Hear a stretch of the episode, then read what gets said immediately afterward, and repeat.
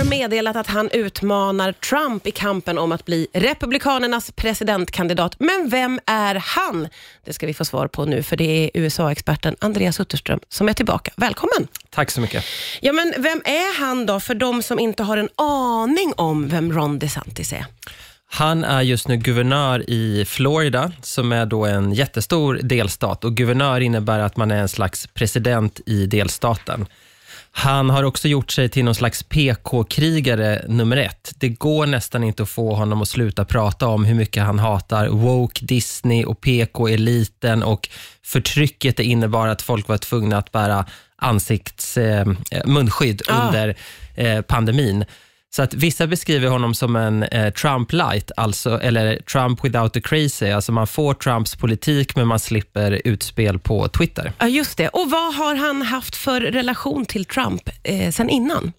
Ja, för några år sedan, eh, då var han väldigt tajt med Trump och eh, det har ju ganska länge varit uppenbart att eh, han ska ge sig in i, i den här matchen att försöka utmana Trump och bli Republikanernas kandidat. Men han har fram till alldeles nyligen varit väldigt, väldigt försiktig med att eh, kritisera eh, The Donald. Ja, just det. Men han har ju varit eh, en väldig påhejare från början, får man väl säga. Ja, ja, han har ju varit eh, Trumps fanboy nummer ett. Vi har ett litet klipp för att illustrera det. Behöver vi säga någonting mer innan vi lyssnar på lilla klippet? Jag tror att det som sägs här kommer tala för sig själv. Ja.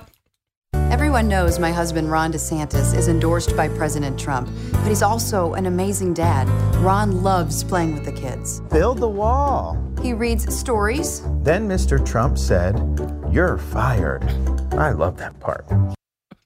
Ja, det är faktiskt en fantastisk sån här liten probofilm, det måste jag säga. Ja, och eh, det är intressant där, därför att från att ha varit då, befunnit sig där han var eh, när det här spelades in och visades i amerikansk TV, till att nu då eh, ska vara stenhård och kritisera Donald Trump och försöka putta bort honom från tronen. Den 180-svängningen är inte lätt att göra, men det är det han måste försöka lyckas med nu. Ja, och hur kommer det att gå då? Eller hur går det om man säger så? Det är för tidigt att säga, men den stora utmaningen för honom är ju, vad händer den dagen han står på en debattscen mot Donald Trump? För det liknar ingenting eh, han har varit med om förut. Det är skillnad på att spela i Åshöjdens BK och att spela i Champions League. När han meddelade att han vill eh, utmana Trump då, så eh, hörde Trump av sig till honom, läste jag någonstans. Han liksom mailbombade eh, DeSantis. Vad vad Donald Trump säger om sånt får man nog ta med en nypa salt, men det, det är uppenbart att Trump eh, har ägnat väldigt mycket tid åt att attackera Ron DeSantis, även under den långa perioden när Ron DeSantis var väldigt försiktig mot Trump. Och Jag tror inte att det beror på att Trump egentligen känner sig hotad av Ron DeSantis, utan att det beror på att Trump är eh, också en krigare och en krigare behöver en fiende, för att annars svingar man bara i luften. Vi pratar om Ron DeSantis som ju utmanar Trump i kampen om att bli Republikanernas presidentkandidat. Det är Andreas Utterström som är här. Och eh, Du nämnde ju det lite inledningsvis, att han eh, har starka åsikter och strider mot både det ena och det andra. Han har gjort sig väldigt ovän med Disney. Vad handlar det om? Ja, men det där är en snårig historia. Eh, Disney är en jättestor arbetsgivare i Florida. Jag har för mig att de har 100 000 anställda, alltså gigantisk arbetsgivare. Och Då brukar det vara så att um, om man är guvernör i den delstaten så gör man allt, kanske för mycket, för att hålla då det här företaget på gott humör.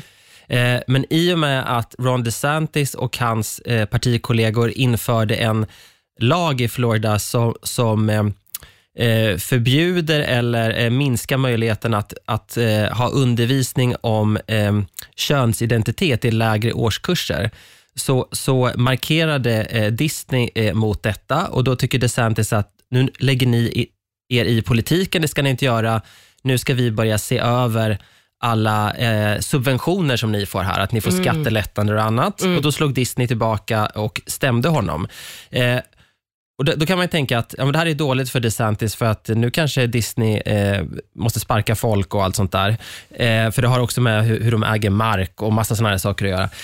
Eh, men han använder det här som ammunition eh, och för att stärka sin roll som att han är en PK-krigare. Han tycker Disney bedriver någon slags eh, eh, förljugen hbtqi-propaganda och, och kan nästan inte sluta prata om det här. Så det är uppenbart att han själv tror att det här är jättebra för honom politiskt. Ja, okej. Fast, fast hans, ut, fast hans liksom fiende just nu är ju Donald Trump, det är ju inte Snövit, så att man kan ju ifrågasätta hur klokt det här är egentligen.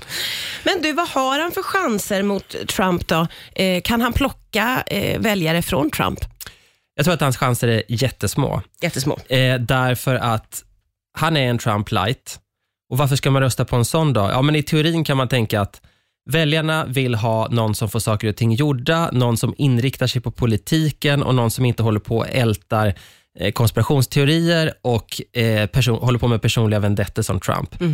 Men det är ju att Trump är så kompromisslös och, och hela tiden eh, säger det han tänker utan att liksom fundera på vad det kan få för konsekvenser. Det är ju det många av hans väljare gillar. Ja. Så varför ska du då välja den bleka kopian Ron DeSantis om du kan få originalet Donald Trump? Det är det jag inte riktigt förstår. Plus att Ron DeSantis Alltså han, hela hans framtoning är ganska obekväm. Han, han, han ser ofta lite bekymrad ut, som, som att han vill vara någon annanstans. Han, han beskrivs ofta som hjärtlös, någon slags eh, politikens riddar Kato med ett hjärta av sten.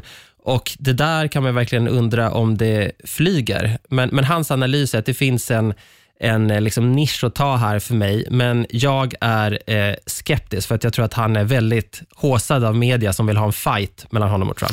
Jag är nyfiken på de övriga republik- eh, republikanerna, vilk, alltså de som ändå kanske vill ha en mer eh, vettig, ursäkta uttrycket, kandidat. Vi får prata vidare om det strax här på Rix FM. Ja, det är USA-experten Andreas Utterström som är här. Vi pratar om Ron DeSantis som har bestämt sig för att utmana Trump i kampen om att bli Republikanernas presidentkandidat.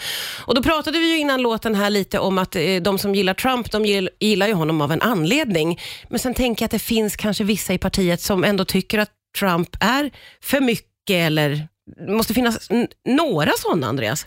Ja, men det är inte säkert att de röstar i primärvalet, därför att det som händer nu är att eh, de som är med i det republikanska partiet eller har registrerat sig, de ska nu välja sin egen kandidat. Alltså, så gör vi ju inte i Sverige, men så funkar det där. Och vilka är det som gör det då? Ja, men det är ju de som är mest engagerade och det är ju inte nödvändigtvis någon slags snittväljare i partiet, så ofta blir de då mer extrema än vad väljarna i stort är.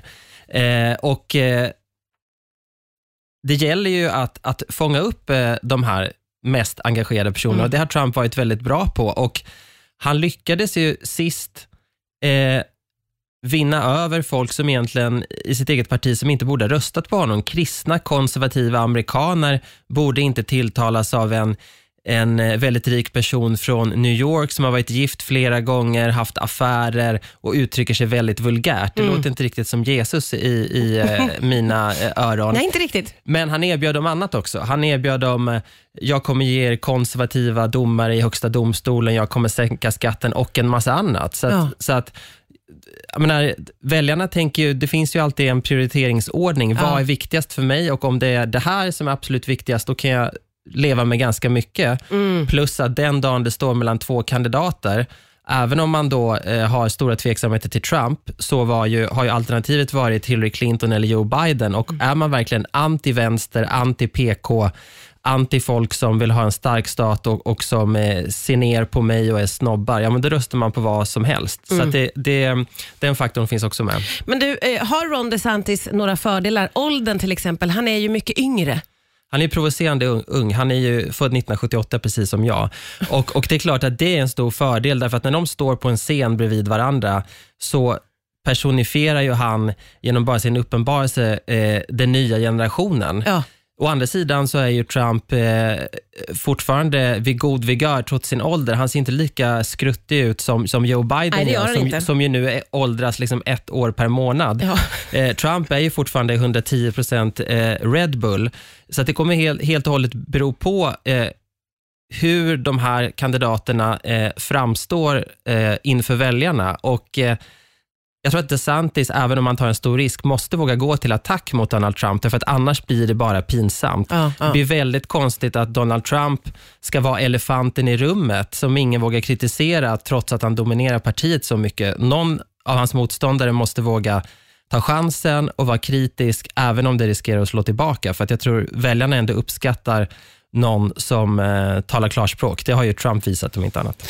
Eh, Och hur kommer det här att spela ut sig nu då? Det är ju inte val förrän, eh, det är ju nästa år, va? 2024. Ja, precis. Början av nästa år. Ja, så, så när kommer vi att få klarhet i det här med eh, vem som kommer att representera vilket parti och så vidare? Ja, men, I Demokraternas fall är det ju eh, eh, givet att det blir Joe Biden. I Republikanernas fall så kan man inte säga riktigt när det här är klart, därför att det, de, man röstar ju delstat för delstat. Och eh, ibland så är det klart väldigt tidigt, därför att vissa kandidater får slut på pengar eller det händer någon skandal eller någonting och ibland så pågår det eh, ända in nästan fram till sommaren. Ah. Så det beror, det beror väldigt mycket på eh, hur mycket pengar man har i kassan och framförallt hur det går i de första delstaterna. Därför att om Ron DeSantis ska ha en chans att vinna så tror jag att han måste göra bra resultat i de första delstaterna så att väljarna tänker, aha, det här kanske, kanske är en person att ta på allvar och ge en extra titt innan Ah, ja. jag bestämmer mig.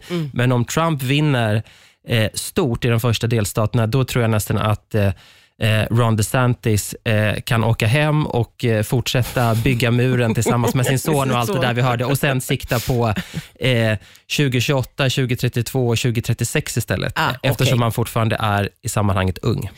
Tack så jättemycket för idag, Andreas Utterström. Tack.